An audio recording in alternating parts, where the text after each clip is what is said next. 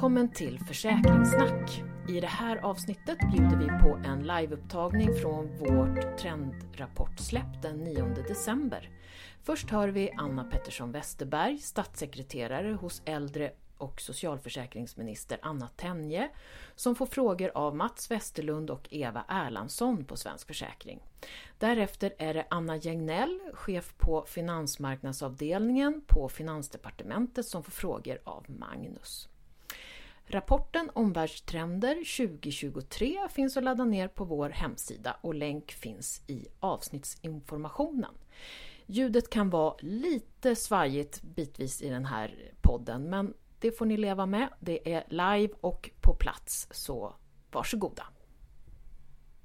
Anna eh, är idag statssekreterare, välkommen upp. Till eh, äldre och eh, socialförsäkringsminister Anna Tenje. Dessutom är hon faktiskt min företrädare som chefsekonom på Svensk Försäkring. Så Anna har en djup kunskap om försäkringsbranschen och om man ska titta på vad tidningen har skrivit om dig också så är du en effektiv moderat eh, då kanslichef och den effektiviteten behöver du säkert när det gäller att framförhandla Tidöavtalet för du var en av dem som var med i det. Och då tänkte jag öppna med en sportfråga. Nej, inte riktigt, utan tänkte jag kan bara fråga hur känns det så här två månader efter regeringsskiftet? Jo, men det känns bra för att ljudet var igång, jag var lite osäker. Nej, men det känns fantastiskt bra såklart. Eh, men samtidigt, precis som Jonas inledde med, så vi har ju inte få samhällsproblem att ta oss an. Tänk att vi har ju åtminstone tre, fyra parallella kriser just nu. Eh, förstås en fasansfullt krig som pågår i närområdet med Ukraina-kriget, eh, men också förstås då en energikris som följer på det och allt vad det innebär med för hushåll och företag och hushållen har svårt med sin ekonomi och få det att gå ihop. Och förstås också det när vi skulle behöva otroligt mycket el och energi för att klara av den gröna omställningen så går det liksom åt fel håll. Så en enormt stor utmaning som väntar. Ehm, och förstås också eh, i den här energikrisen så kastas vi rakt in i det som Jonas beskrev av ekonomisk nedgång och risk för stagflation när både arbetslöshet och inflation är hög. Det här var något obskyrt exempel i min nationalekonomibok, det här med stagflation. Men nu lever vi ju mitt i den och det är så svårt. För den vanliga verktygslådan som man har i liksom finanspolitiken, att kunna gasa på rejält, att ge ganska mycket stimulanser mot hushåll och företag när, när ekonomin går dåligt, den verktygslådan är så begränsad just nu. Det finns liksom, så det är en svår tid eh, att styra i. Men Ehm, vi har tagit oss an många svåra frågor i regeringen och det kommer att, vara, det kommer att märkas att det är en annan regering. Mm. Då ska vi se, en av Tidöavtalets delar var klimat och energi och som Eva sa så är vi från branschens sida väldigt måna om långsiktigt tydliga spelregler. Och om man tittar på klimatet så när det gäller subventioner till vindkraft så togs det bort och sen ska man istället införa Eh, kreditgarantier till eh, kärnkraft. Och om man liksom ser liksom långsiktig stabilitet, kan vi lita på att det här kommer liksom inte ändras om ni förlorar makten om eh, fyra år eller någonting? Eller kan ni få en större överenskommelse med exempelvis Socialdemokraterna så det blir den här stabiliteten som vi vill ha? Mm. Det här är normalt lite frågor som rör Socialdepartementet, men jag ska försöka svara Eh, det här var också en del av förhandlingarna med Tidöavtalet såklart. Eh, jag skulle säga att jag tror att det egentligen är mycket mer polariserat i debatten än vad vi uppfattar att det är. Regeringen är intresserad av att satsa på alla energislag. Sol och vind kommer att vara oerhört viktiga. Eh, vi kommer inte klara klimatomställningen annars. Det här är jätte, jätteviktigt. Men det räcker inte, och särskilt inte i Sverige när det inte alltid är soligt. Det blåser inte alltid som den just nu till exempel, när det är vinter och lite, lite sämre förutsättningar. Så vi måste ha mer baskraft. Eh, vattenkraften har varit stor i Sverige länge, men också förstås satsa på eh, kärnkraften. Eh, det här är helt, helt centralt för att klara dels energiförsörjningen för hushåll och företag, men också såklart för, för att klara den gröna omställningen skulle jag säga. Eh, och kärnkraftssatsningarna de är ofta väldigt långsiktiga. Kärnkraften finns ju liksom i 80 år eller någonting sånt om vi får fungerande reaktorer. Eh, så det här är ju viktigt att det finns en stabilitet kring. Eh, och staten kommer ju ge förutsättningarna genom de här krediterna så att säga, men det är fortfarande så att det kommer vara ett antal företag som måste satsa och vilja gå framåt. Det var någon nyhetsflash igår om att det verkar finnas intresse att satsa. Men här pågår ju förstås en massa förhandlingar och samtal just nu. Eh, och vi ser ju förstås hemskt gärna att det här är breda överenskommelser. Eh, allt annat vore ehm, så att säga inte en bra väg framåt. Men samtidigt så vet vi att det är akut kris att göra saker. Vi sliter alla med våra ehm, skruva ner några grader i, hemma i villan för att, för att klara av de enormt höga energipriserna som är just nu. Och det har ju varit en problematisk tid att vi har lagt ner de reaktorer vi faktiskt hade som hade kunnat hjälpa oss i några år till innan vi skulle få bygga ny kärnkraft. Så det här är, det är en svår tid. Ehm, ja. En annan fråga som jag nämnde, det här med kriminalitet och utförandet av stöldgods utanför Sveriges gränser, att, att tullen inte har, egentligen har några befogenheter att stoppa det här. Och jag vet att det ligger inte heller inom ditt ansvarsområde, så vi är väldigt tacksamma att du tar, liksom har tagit dig tid internt. Och, eh, så hur ser, kan du säga något om hur regeringen ser på att utöka tullens möjligheter och resurser att faktiskt kontrollera misstänkt stöldgods som förs utanför Sveriges gränser. Kan du säga något om det? Nej, men det här är ju djupt provocerande och det här var ju också del av också Tidöavtalet, även om det inte är så explicit. Så, vi jobbade ganska mycket med också på Moderaternas riksdagskansli. Eh, för det här är att det också bara till och med står och tittar på när stöldgods lämnar landet. Inte bara för försäkringsbranschen utan också förstås för enskilda som blir av med sina eh, själva med vår båtmotor i Norrtälje. Det, är så otroligt provocerande att, att det bara går att, att skjutsa ur landet. Då drev vi frågan i skatteutskottet, eh, det här är ett år sedan ungefär, med tillkännagivande. Och de här tillkännagivandena har nu inneburit att det har lagts tilläggsdirektiv till en utredning som tittar på det här. Eh, som ställer till mina Tullbefogenhetsutredningen har fått tilläggsdirektiv som handlar precis om det här med att göra fler kontroller av utförsel av varor. Och att vi alltså göra det då enligt lagen om, eh, det finns en brottsbalk, en brottslag för det här, eh, utförsel av stöldgods, straff om smuggling och eh, de har börjat kunna lämna då författningsförslag om det här. Utredningen ska vara klar i sommar, eh, har jag fått information från skatteavdelningen som ansvarar för frågorna 14 juli 2023. Jag kan inte föregripa slutsatserna men det är ganska tydliga direktiv in till dem. Eh, och jag kan tänka mig att de är intresserade av att ha kontakter med er om ni inte redan har det eh, för att delge all er kunskap om hur, hur illa det är och hur det funkar så att säga. Ja, jag kan tänka mig att ni jobbar en del med de frågorna. Ja vi har kontakt med utredningen. Det var, det var bra att få höra liksom, ja. Ja, nej, men det här är otroligt provocerande ja. Eh, och vi ser gärna ganska långtgående så att säga, befogenheter. Men frågan är som sagt under beredning så får vi se hur långt den kommer och var den landar. En sista fråga innan vi kommer in på dina kärnområden. Det rör att försäkringsbranschen kompletterar socialförsäkringssystemen med eh, vissa privata eh, försäkringar. Och om man tittar lite på liksom det som pågår i samhället med brottsligheten så är det inte bara att man utnyttjar de allmänna systemen utan även de privata försäkringarna. Det är inte helt lätt att utreda den här typen av brott och det skulle underlätta givetvis om det finns en möjlighet att för försäkringsbolagen att få mer information från myndigheten. Samtidigt så finns det begränsningar i sekretesslagstiftningen. Eh, och uh, hur ser du på möjligheten för regeringen under den här mandatperioden att se över det. Så det finns en möjlighet till informationsutbyte, inte bara mellan myndigheter utan även den privata sektorn. Mm. Ja, otroligt bra fråga ska jag säga. Ehm, men jag tror vi är egentligen på mycket mer basal nivå tyvärr. Ehm, för det är så, Det har vi problem att överhuvudtaget kunna flytta information mellan de, de så att säga, myndigheterna som är offentliga eller statliga. Ehm, och att inte ens de, de har inte verktyg nog för att förflytta information för att kunna göra en massa insatser. Eh, och det här är då, det finns en punkt i Tidöavtalet för att göra någonting åt det här. Eh, och man ska försöka vända på kuttingen. Idag får man begära tillstånd för att förflytta information. Nu ska man försöka vända på det så att utgångspunkten är att man får utbyta information, alltså sänka ner sekretessnivåerna. Eh, och sen göra undantag från den här regeln om det är väldigt känslig information. Så liksom, det är första steget att ta sig till, att ta sig igenom. Och det här har ju varit väldigt provocerande. Många brottsbekämpande myndigheter som behöver få information för att klara av sitt grunduppdrag. Men jag tycker att det är en väldigt intressant eh, poäng också. Väldigt mycket av välfärdssystemen och de system som vi har är ju i samarbete med avtalade försäkringar till exempel, privata försäkringar. Så det verkar väldigt rimligt att man också skulle kunna ha någon slags utbyte. Men det är väl bara att tipsa om det, det, det går säkert att jobba vidare. Det pågår ju beredning inne i, eh, i regeringskansliet i de här frågorna, som, jag tror säkert skulle tycka att det här var intressant.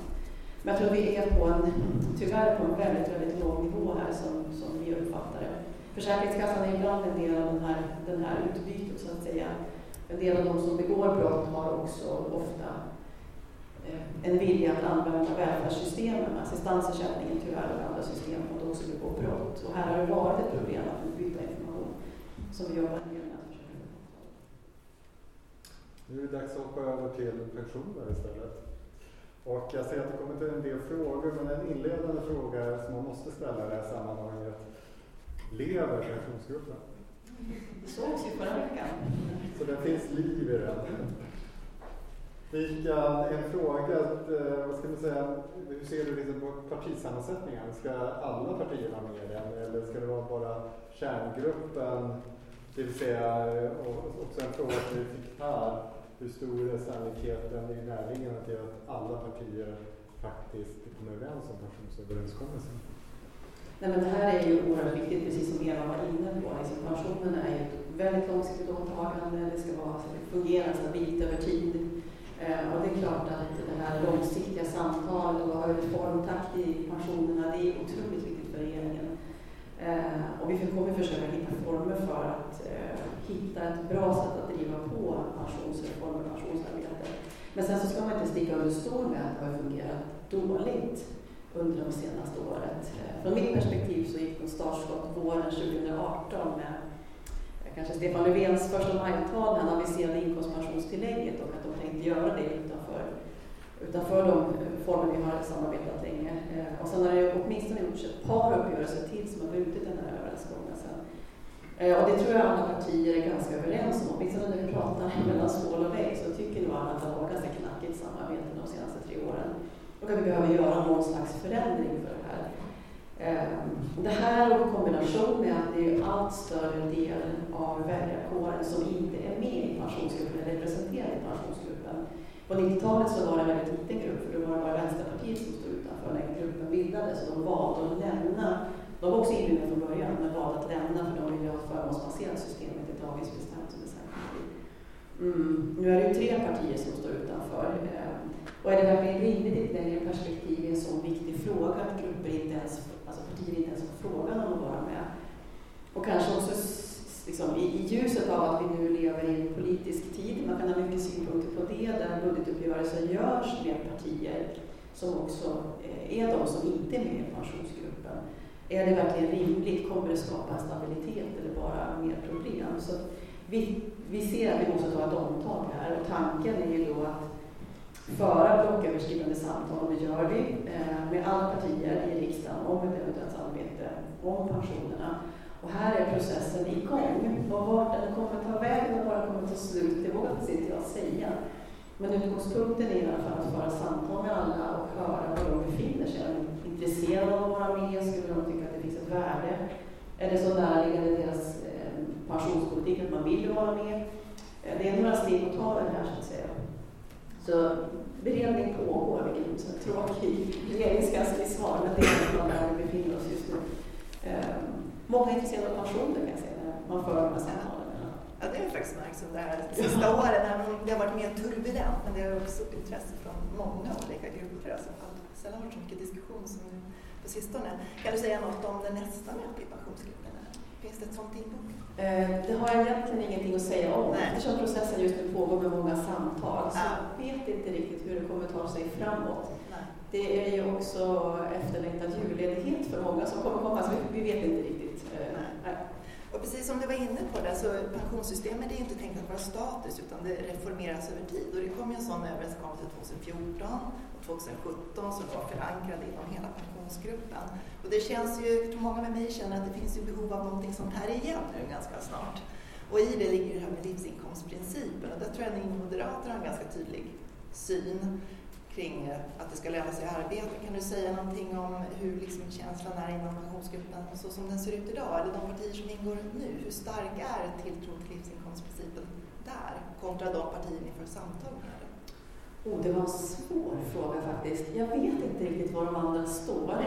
Um, vår bild var ju i våras att vi tyckte att de här eh, förändringarna som skedde av grundstöden var lite för långtgående. Som pensionssystemet ser ut idag så är det ungefär varannan pensionär som kommer att få garantipension.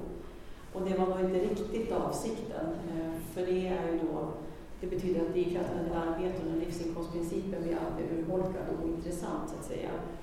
Mm. Så vi var lite mer kritiska och ville ha lite mera eh, kanske skattesänkningar eller andra saker för att höja pensionerna högre upp i inkomstfördelningen för att kunna värna livsinkomstprincipen.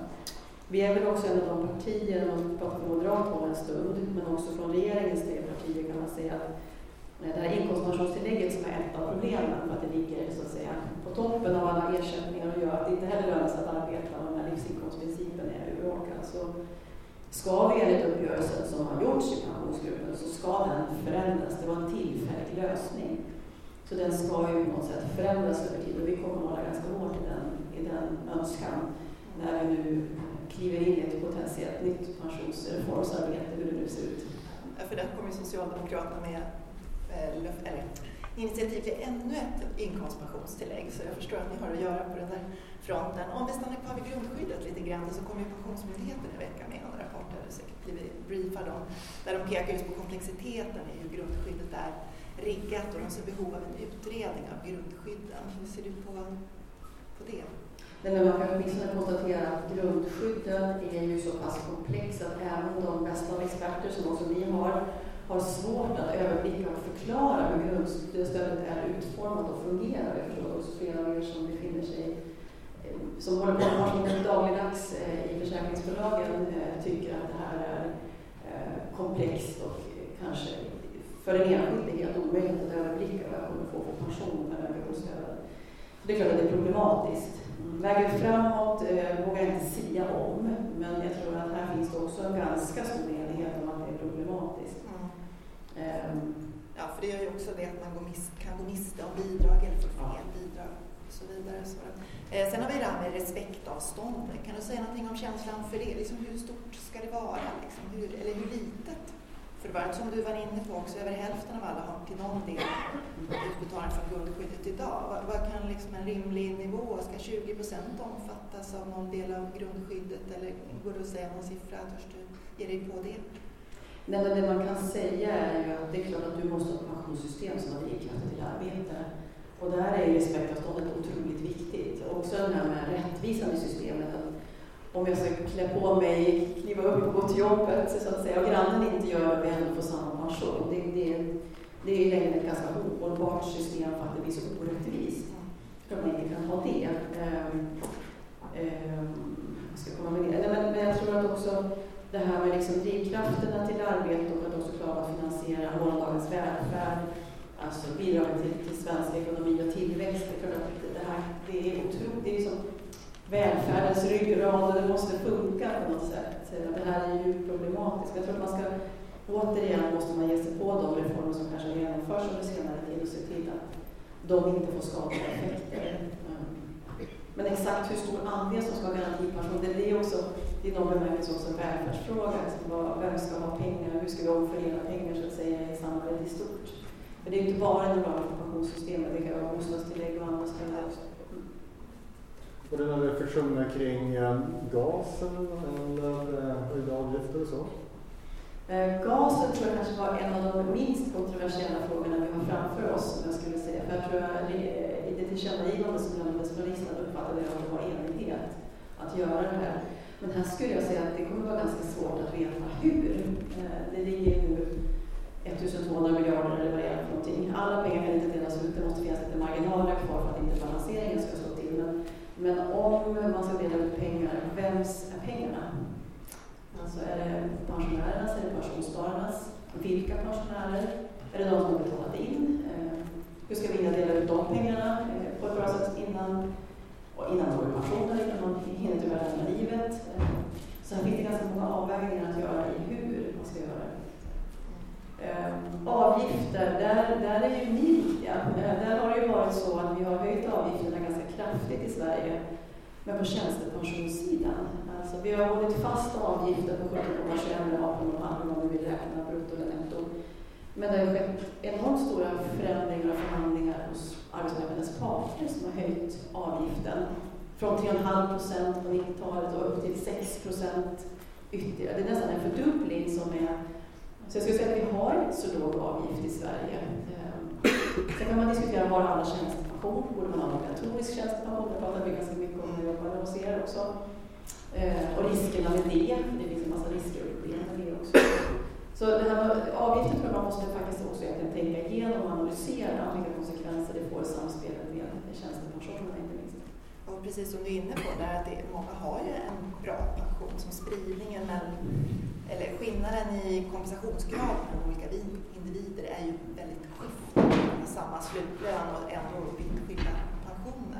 Men det öppnar ju upp för det här med privat pensionssparande. Där jag, det är egentligen det enda del i pensionssystemet där jag själv som individ styr över hur som ska sparas och sådär.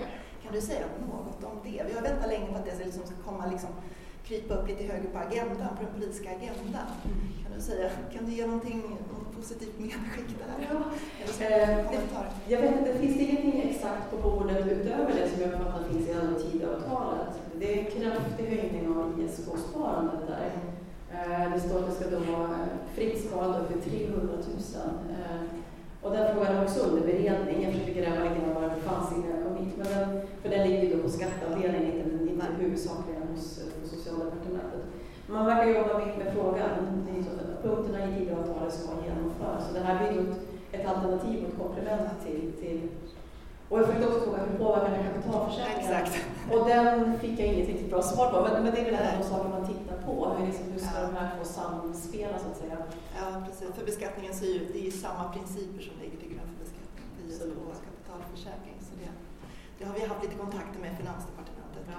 också. Då, så det, ja, det är bra. Jag ska säga att det privata pensionssparandet som ni har i förslaget tycker jag är det är ett intressant förslag, jag tycker det är ett sympatiskt förslag för att det också riktar sig väldigt långt i inkomstfördelningen. Det är matchning du tänker ja, på? Ja, och jag tycker att det är en, vet att det är också enskilda bolag som har jobbat väldigt mycket med det, bland annat Folksam. Eh, tycker alla bolag är intressanta med vända bolag i det här fallet. Nej, men det, det, det är ett intressant förslag. Mm. Ehm, jag tror det här ISK-spåret är kanske det som just nu dominerar det privata sparandet. Det är lite tråkigt med tanke på att det inte är ett pensionssparande egentligen. Det är ju inte inbundet på något sätt pensionen. Så, men, hade ja, vi några frågor från publiken? Ja, kanske? jag har försökt plocka någon här, men och vi börjar, eh, tiden börjar rinna ut. Men vi, vi, kan ta en, två frågor. Det är en rör sjukvårdsförsäkring. Kan man säga att nu idén om att eh, förhindra privata sjukvårdsförsäkringar, den idén är borta?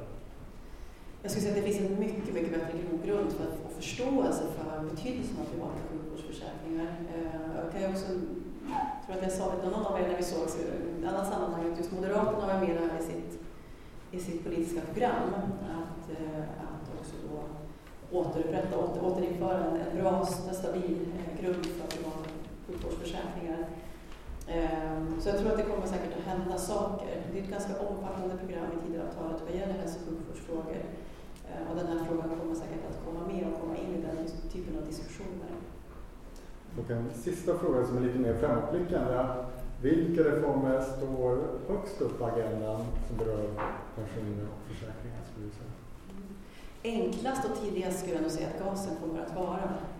För det ligger en massa pengar och skvalpar som, som egentligen borde komma pensionärerna till del. Trots börsen igång? Ja, trots, trots börsen. Jag, jag såg lite beräkningar, det kommer ju säkert komma på pensionsmyndigheten ordentligt. Det är klart att det, det kommer att knapra en del av de här 1200 miljarderna som ligger där. Ehm, Ehm, men det är ju enormt mycket pengar och det vore väldigt bra om de pengarna kom pensionärerna till del eh, och att det kunde komma ganska snabbt här och nu.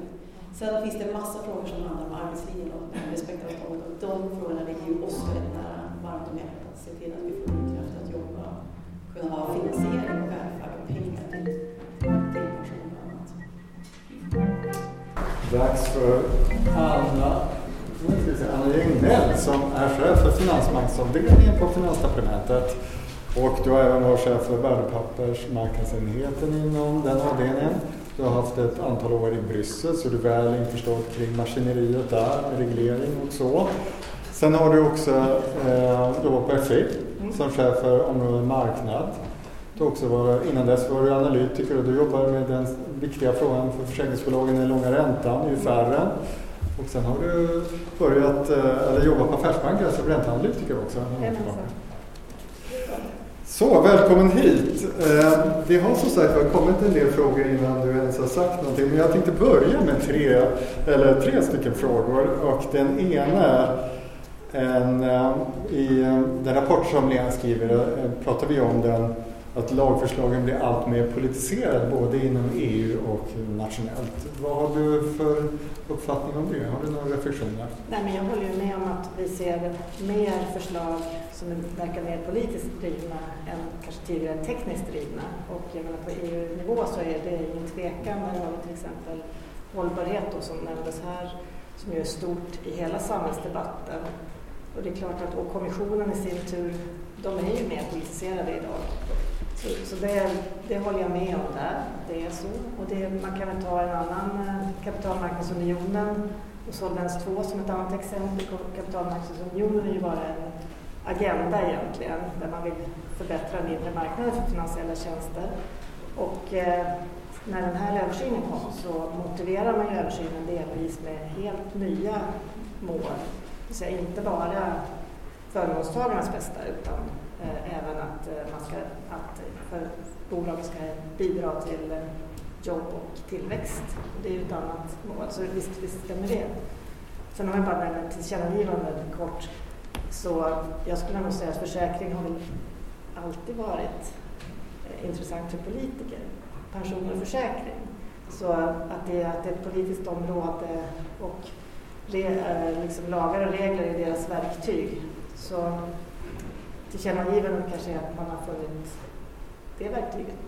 Mm. En annan aspekt som Lena har tagit upp det är att det blir allt vanligare med lagförslag som omfamnar olika delar av verksamheten istället för att lagförslagen kanske är mer anpassade till en viss typ av verksamheten. Hur eh, ska man säga så här, påverkar inte det uppföljning och tillämplighet när liksom, de blir så vida horisontella? Ja, och där, där finns det också andra än bara hållbarhet är typiskt sånt också, men även cyber som eh, föregående talare talade om. Där det är ju ett fenomen som träffar företag, inte bara i finansbranschen utan mycket, mycket bredare. Och det är klart, då gör man reglerna på något sätt på någon sån här övergripande nivå. Men sen när man ska anpassa den till affärsmodellen så är inte det det lättaste. Det är, och där tänker jag att vi, vi som jobbar med lagstiftningen i EU då, vi har ju ett jobb att göra för att liksom se till att det som kommer åtminstone blir något enklare att tillämpa. Det är lite grann vårt liksom, jobb att göra det. Mm. Men, men, men, det finns ju fler, fler exempel på horisontella paket än, än cyberhållbarhet också. Men det är några. Vi har tidigare idag, och Lena har också varit inne på det här med att långsiktighet är väldigt bra. Och när man är precis klar med implementera regelverk då kommer liksom ett omtag, förändringar. Samtidigt finns det ett behov att liksom, ibland, eller många gånger är det inskrivet att du ska se över regelverk. Och sen händer det saker i vår omvärld som faktiskt påkallar behovet. Men den här balansen mellan att eh, faktiskt försöka ha en långsiktigt stabilt och att du behöver revidera, hur ser du på det? Ja, men jag, eh, du sa i stort sett det jag tyckte här. Eh, Jo, jag tycker det vore jättebra med de här långsiktiga reglerna, att man inte ändrar det så ofta. Eh, sen så tycker jag att man behöver ändra om omvärlden förändras. Nu, vi pratade, du pratade om det alldeles nyss. Här. Det vi, när vi tittade på reglerna i översynen i Solvens 2, då var vad heter det, long forever? Nej, det är long forever. Nej, men nu är det absolut inte så. Nu har ju räntan gått upp till exempel. Vi lever i en helt annan värld vad det gäller klimatet, med det här kriget. Det finns ju massor i omvärlden som kan göra att man faktiskt behöver göra ändringar. Sen när man tar den här med tekniska översynsklausuler så är det lagstiftningsteknik om jag uttrycker mig så. Det är det så det går till i Bryssel. Alltså, parlamentet sitter där på sin kammare, ett antal eh, partier och försöker kohandla med varandra och tycker olika. Hamnar i en, någon form av rapport som de ska presentera till oss i rådet, då, för jag är ju representant för rådet då, som medlemsstat. Och där har vi suttit mellan en massa medlemsstater också och diskuterat. Vissa frågor, det förslag som kommissionen kom med, det var inte så väl analyserat utan det kanske var lite mer tycke och smak. Eh, då är det ingen riktigt beredd att liksom skriva under på det utan då är ett sätt att liksom lösa det här och säga att äh, men det där gör vi sen. Det händer även i utredningar, i svenska utredningar också. Så det är inte, eh, och sen har du den här andra delen att man kanske inte heller kommer ända fram och känner att nej, men nu måste vi, vi kan inte hålla på med det här i sju år utan nu får vi skjuta saker framåt. Sen tycker jag överlag att de här översynsklausulerna är för korta. Och det har vi säkert ni märkt också då för att jag skulle kunna tänka mig att ni intresserar er för, för tjänstepensionsdirektivets översyn till exempel då. Eh, och den översynen behöver kommissionen enligt lagstiftningen göra nu. Men det är ju det här, göra en översyn innan man ens har knappt börjat tillämpa det, då är det väldigt svårt i många fall att se om det blev bra eller inte. Så det, det finns ju verkligen en sån del i det där. Och, och eh, sen uppfattar jag liksom trendmässigt att kommissionen har valt att eh, de inte heller älskar inte översynsklausuler heller. Utan de är verkligen så här, okej, okay, hoppas vi inte hittar något. Tusan vi hittar någonting. Okej, okay. då ska vi göra det så litet och så målinriktat som möjligt. Sen lyckas ju inte det heller. Men det, jag, jag uppfattar i alla fall att det finns ingen så önskan från egentligen någon lagstiftningspart här, varken rådet eller Europaparlamentet. Sen är inte kommissionen en part i själva det där, men de är ändå en part som har lagt förslaget. Men att ingen egentligen önskar att öppna upp de här reglerna allt för ofta. För alla förstår ju det här att det är bättre med långsiktighet. Mm, mm. Så jag vet inte om jag svarar på din fråga, men det är lite reflektioner för mig mm. om hur det trendar.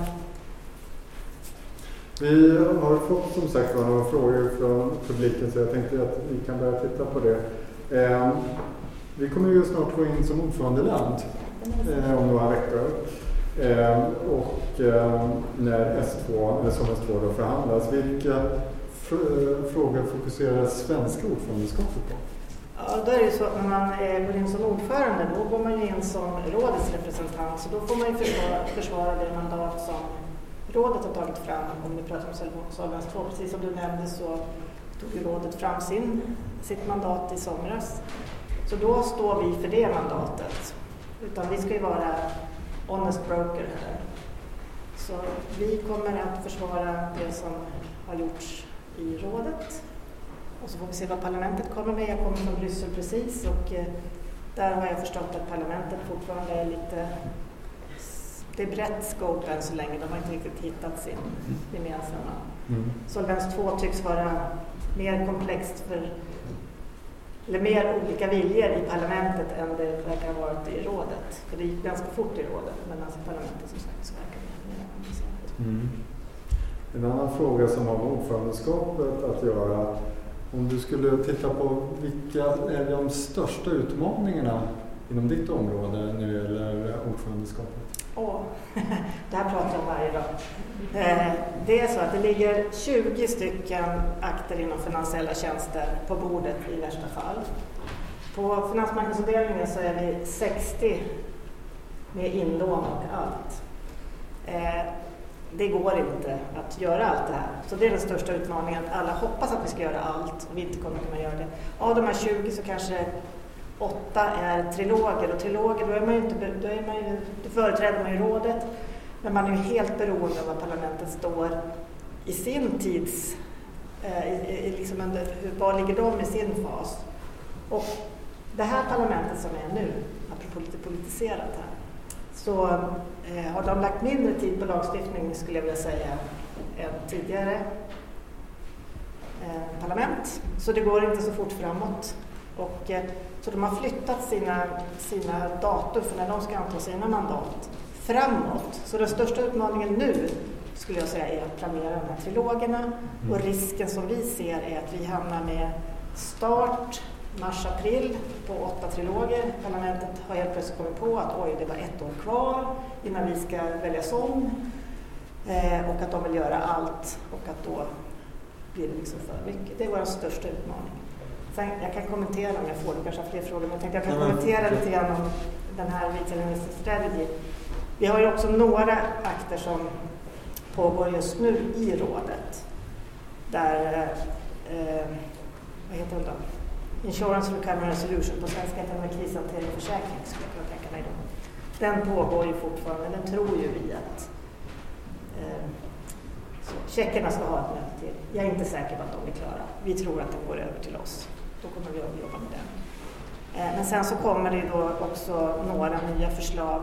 Det kom några igår, det kommer några i början på året där Strategy fortfarande då eh, eh, prognostiserar till slutet av mars. Så att vi har inte bara de här trilogerna utan vi har några andra som pågår i rådet och så ytterligare nya förslag. Mm. Fullt upp helt enkelt. Jajamensan, det ska bli så kul. Sen så um, har vi fått en fråga kring hur ni konkret arbetar med att få in branschens synpunkter på olika EU-lagstiftningar och processen. Hur... Vi har ju referensgruppsmöten där vi tar in eh, branschens synpunkter. Sen så får vi ju brev och eh, annat också.